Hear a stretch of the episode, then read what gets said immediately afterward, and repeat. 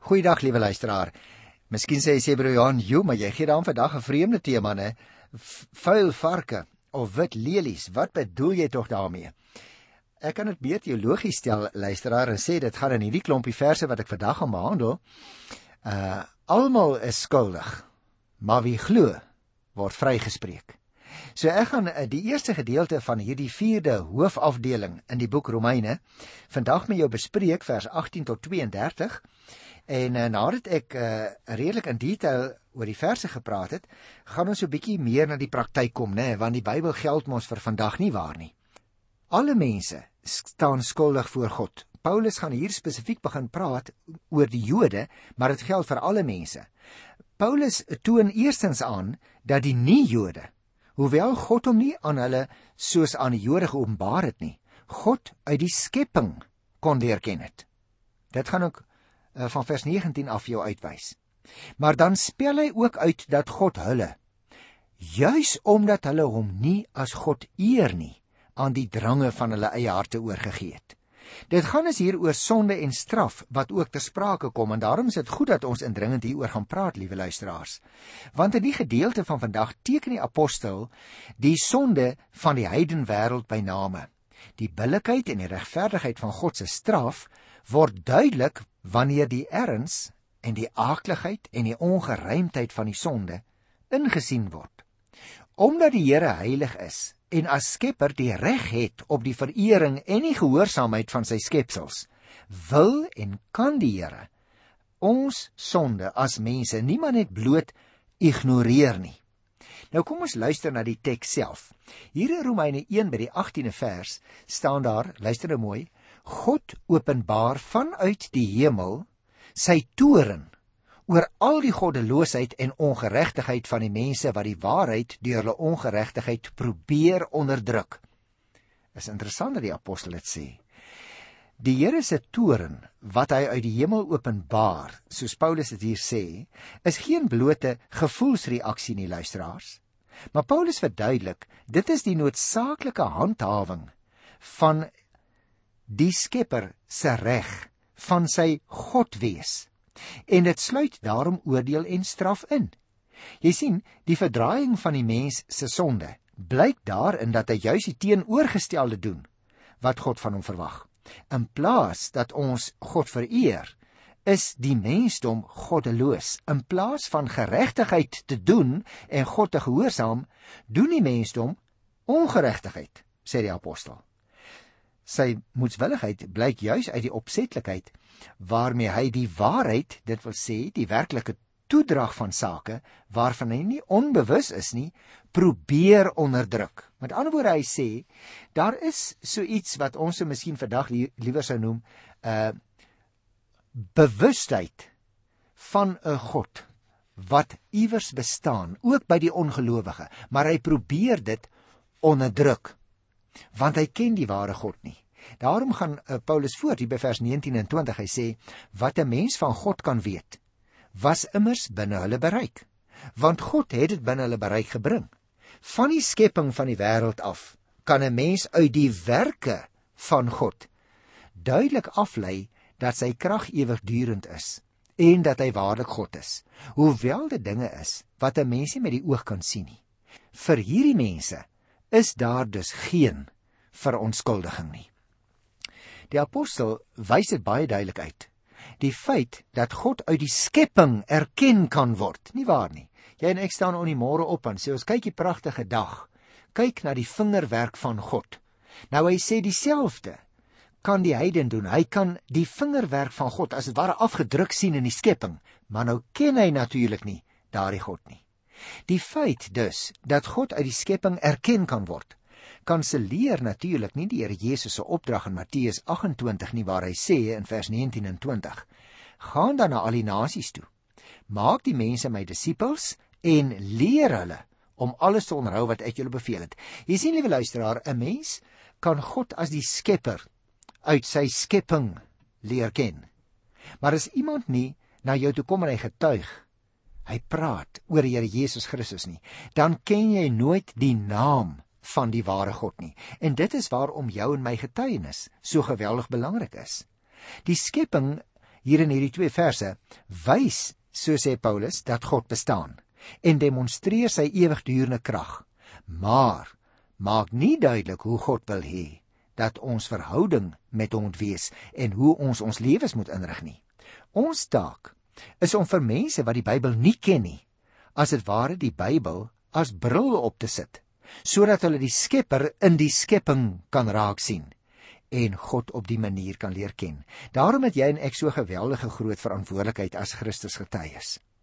Luister na vers 21 tot by vers 23. Omdat al weet hulle van God, kan hulle God nie eer en dank nie. Met hulle redenasies bereik hulle niks nie. En deur hulle gebrek aan insig bly hulle in die duister. Hulle gee voor dat hulle verstandig is, maar hulle is dwaas. In die plek van heerlikheid van die onverganklike God stel hulle beelde wat lyk soos 'n verganklike mens of soos voëls of diere of slange. Hy sê dus die heiden ken God nie by die naam nie. Hy besef wel dat daar 'n mag is wat hy dan ook soms 'n god noem. Nou begin hy die bome aanbid en die diere of die slange. Paulus se argument is in plaas daarvan dat die mens God erken vir wie hy is, maak die mens homself die sentrum van sy bestaan. Alles draai om die mens self en hy skep ook sy eie gode. Hy probeer as dit ware God vasvang in sy eie skepings soos beelde van 'n mens of van voëls of van slange sê Paulus want so verbeel die mens hom kan hy God onder sy beheer kry en altyd tot sy beskikking hê Watter vermetele geklikheid is dit nie luisteraars dat die een wat juis deur die Skepper gemaak is na sy beeld homself die reg begin toeëien om vir hom 'n god of 'n godheid te skep. Nou nadat die apostel dit verduidelik het, kom hy nou hier by vers 24 tot 32 En voor ek dit lees, wil ek ook daaroor net enkele opmerkings maak, dan verstaan ons dit miskien makliker. Jy moet daarop let dat hierdie volgende paar sinne of versies tot by vers 32 met die woordjie daarom begin hier in vers 24. Hier spel Paulus nou vir ons uit hoe God reageer op mense se weiering om hom as God te erken en sy krag raak te sien. Hy gee sulke persone oor aan hulle self. Dit is asof die Here sê, jy het gekies om jou eie pad te loop. Loop hom nou en kyk waar jou pogings om sonder my te leef jou gaan uitbring.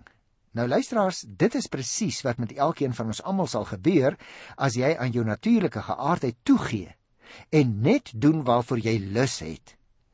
En as jy nie God die alleenseggenskap in jou lewe gee nie, dan word jou natuurlike geaardheid wat die Bybel noem in vers 24 die drange van jou hart en die skandelike drifte van vers 26. Jou verdraaide opvattinge van vers 28. Dan word daai dinge jou baas. En die uiteinde daarvan is 'n verterende selfvernietiging. Liewe luisteraar, as jy dalk vandag vir die eerste keer die radio aangeskakel het op ons program en jy's iemand wat dink dat dit wonderlik sal wees om vry van God te lewe, dan moet hierdie gedeelte in die Here se woord wat ek nou gaan behandel, jou laat besef dat daar geen erger slawerny in hierdie wêreld is nie as om deur jou eie natuurlike geaardheid geregeer te word. Luister na vers 24 en 25 hierso uh, by Romeine, die eerste hoofstuk. Daarom, so begin Paulus. Hy sê: "Daarom gee God hulle aan die drange van hulle hart oor en aan seerlike onreinheid, sodat hulle liggame onder mekaar onteer." Dit is hulle wat die waarheid van God verruil het vir die leuen.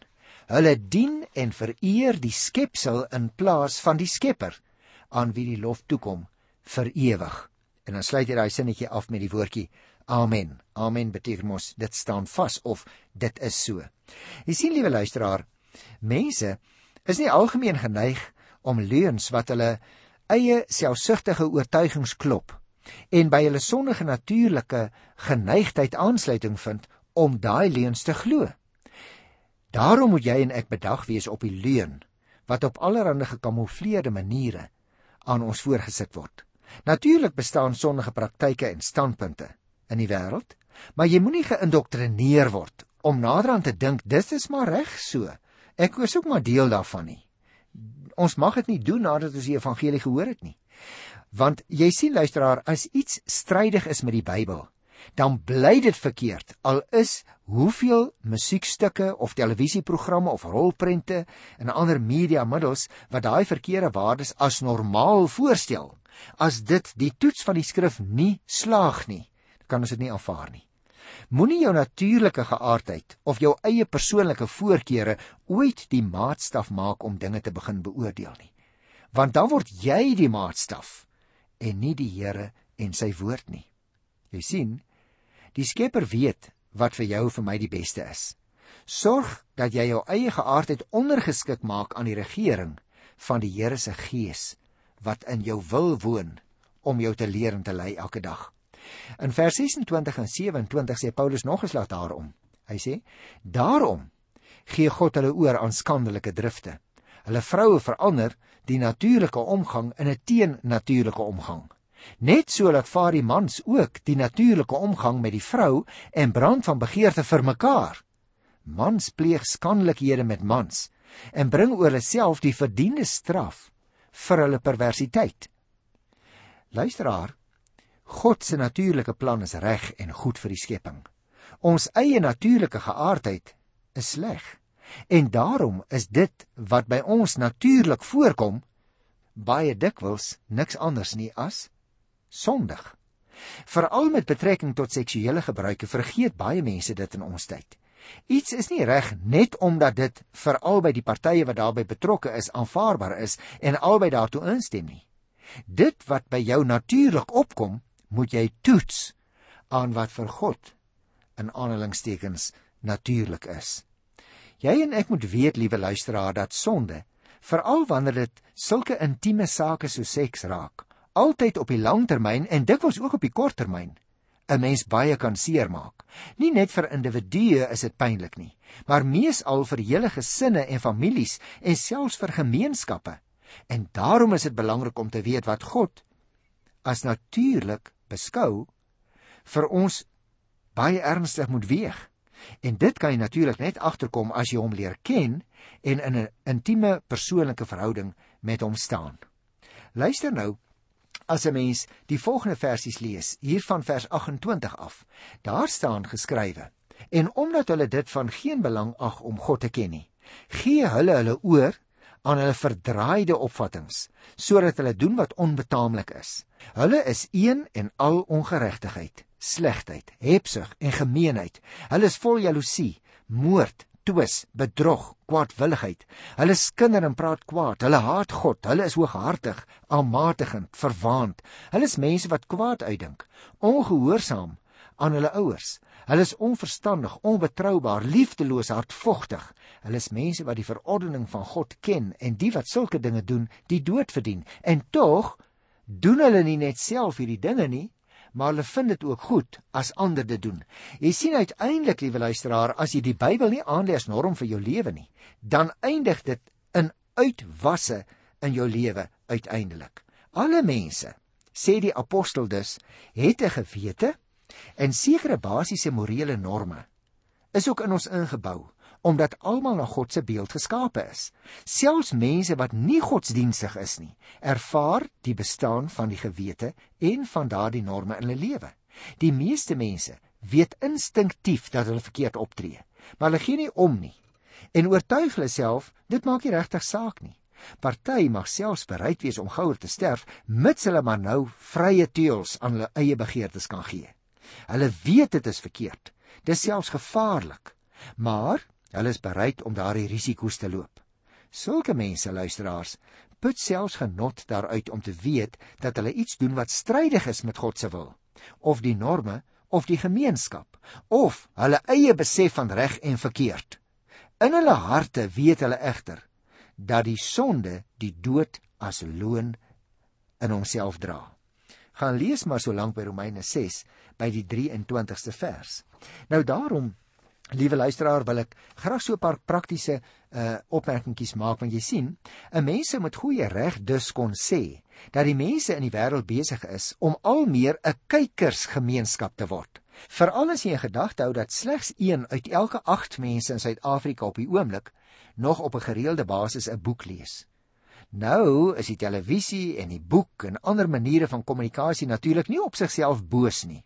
Glad nie. 'n Mens hoef immers nie na swak programme te kyk of slegte of pornografiese boeke te lees as jy nie wil nie. Jy het 'n vrye keuse in al hierdie dinge. Wat egter wel van belang is, luisteraar, is dat jy en ek as Christus gelowiges nie ongeraak deur al hierdie dinge deur die lewe kan gaan nie, ongelukkig nie. Baie daarvan word in ons huise ingedra, aan ons opgedring en deel van ons lewensmilieu gemaak. Die situasie rondom ons kan miskien die beste vergelyk word met 'n modderpoel waarin baie mense soos varke rondrol. Dit geniet en nie van plan is om daaruit op te staan nie. Dis hoekom ek ons program vandag genoem het Vuil varke of wit lelies. Kom ek sê dit op 'n ander manier. Daar is 'n moraliteitskrisis in die wêreld luisteraars. En hierdie moraliteitskrisis handel nie net oor die seksuele nie. Dit is 'n krisis waarin ons ook in ons eie land beland het en wat hom uitstrek op baie verskillende terreine. Kom ek gee net eers 'n definisie om te verduidelik wat 'n moraliteitskrisis is, want dit is 'n groot woord en ek gebruik nie graag groot woorde nie.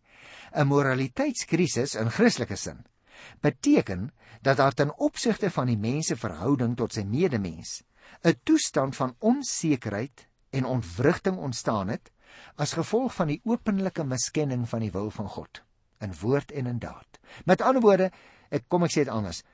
Die moraliteitskrisis bestaan onder andere daarin dat jy en ek ons eie maatstaf wil word in die tyd waarin ons lewe. Kom ek noem 'n paar voorbeelde want daar's daar's meer terreine, maar kom ek noem vir jou 5 terreine waarop dit elke dag ter sprake kom en waaruit die krisis waarin ons as ons daardie weg opgaan baie duidelik blyk. Geweld. Kyk maar net hoeveel mense word vermoor in ons land. Inbrake, gewapende roof, voertuie wat gesteel word. So geweld is 'n voorbeeld. 'n Tweede een is seksuele losbandigheid. Byvoorbeeld pornografie. 'n Derde voorbeeld in ons maatskappy is materialisme. Luisteraar, kyk maar na die oorheersende koopsug wat onder mense bestaan. Mense wat uiteindelik heeltemal bokant hulle eie inkomste lewe. Kyk na die dobbelgees, kyk na die gejaag na geld en na goed. Materialisme. Noem jou vierde terrein waarna jy kan oplet, bedrog. Hoeveel mense verneek nie versekeringsmaatskappye nie, net om eie voordeel daaruit te kry. Dink maar 'n vyfde voorbeeld aan die besigheidswêreld. Daar's eintlik baie min etiek oor, hoor. Mense verneek mekaar eenvoudig net waar hulle kan. Omkoopgeskenke. Ons praat so maklik daarvan as perks word soos roomys uitgedeel. En mense dink nie eers meer daaroor of hulle nie uit en uit besig is om oneerlik te wees nie. Dit word maar net alles aanvaar as wat genoem word goeie besigheidsin. En so word mense uiteindelik baie maklik varke wat rondrol in die modder. Ekskuus vir die lelike beeld, maar dit is waarop dit neerkom. Nou, hierdie is natuurlik nie nuwe dinge nie, luisteraars. Sedert die sondeval het mense die pad van die Here verlaat. Hulle aan mekaar en aan goed vergryp. Jy sal onthou Adam en Eva daarmee begin. En kort daarna het die eerste broedermoord gevolg en so die wiel eenvoudig voortgerol en die dinge het voortgegaan in die wêreld. Die eerste belangrike ding dink ek wat ons moet onthou is dit. So 'n varke bestaan kan 'n aanduiding daarvan wees dat die Here mense aan sonde oorgegee het. Nou dit klink dalk vir jou baie vreemd. Maar dit is hoekom ek die beeld gebruik van die modderpoel. Want Paulus verduidelik dat daar 'n ingeboude bewustheid by alle mense is van wat reg is en van wat verkeerd is. Uit die verse wat ons nou vandag behandel het, blyk egter dat die Here nou alreeds 'n gemeenskap in sy eie vet kan laat begin braai. Dis alreeds 'n stuk oordeel wat soms oor mense in hierdie wêreld alreeds kom. Die skuld vir die toestand waarin 'n land hom byvoorbeeld bevind, rus op die mense van daardie land self, wat deur hulle tipe denke en dade die lig van God oor hulle blokkeer. Dis soos 'n man wat die lig tydens 'n sonsverduistering van hom afkeer. Dit is 'n oordeel van God oor mense volgens Paulus. Die Here trek homself in 'n sekere sin terug van sommige mense, verberg sy gelaat, gee die mens aan die drange van sy hart oor en daarom kry jy uiteindelik hierdie verskriklike uitwasse in sekere kringe. En dit het natuurlik noodwendige gevolge vir die moraliteit in die land. En hieruit luisteraar moet een ding baie duidelik wees. Dit is nie moontlik dat die moraliteit van die samelewing wesenlik kan verbeter sonder dat die oorsake van die godsverduistering wat ingetree het opgehef word nie. Kom ek sê dit andersom. Eintlik kan net God dit self doen deurdat hy hom weer ontferm, homself weer magtig in ons midde openbaar. Dit is 'n grondervaring wat ons moet belewe. 'n Aanraking deur God is nodig vir mense om werklik te gaan glo. En nou die wonderlike. Die Here wil sy kinders gebruik as instrumente om daardie verduistering weg te neem. Hy skakel vir jou vir my nie uit uit sy aanraking van ons maatskappy nie hoor. Hy skakel ons juis in. Ons kan nie maar net sê, ag nou ja, ons moet nou maar God se water oor God se akker laat loop, ons kan er niks aan doen nie. Dis nie waar nie, want ons is die sout vir die wêreld, ons is die lig vir die wêreld, ons is die getuies van Jesus Christus en die verandering tot die nuwe lewe wat hy kan en wil bewerk vandag nog. So die eerste aspek wat ek dus uh, net vir jou wil uitwys, uh en dink ek wat ons nie moet vergeet nie, liewe luisteraar, is baie eenvoudig. So 'n varke bestaan kan 'n aanduiding daarvan wees dat die Here mense aan sonde oorgegee het. Maar nou 'n tweede aspek wat ek net wil noem voordat ons afsluit.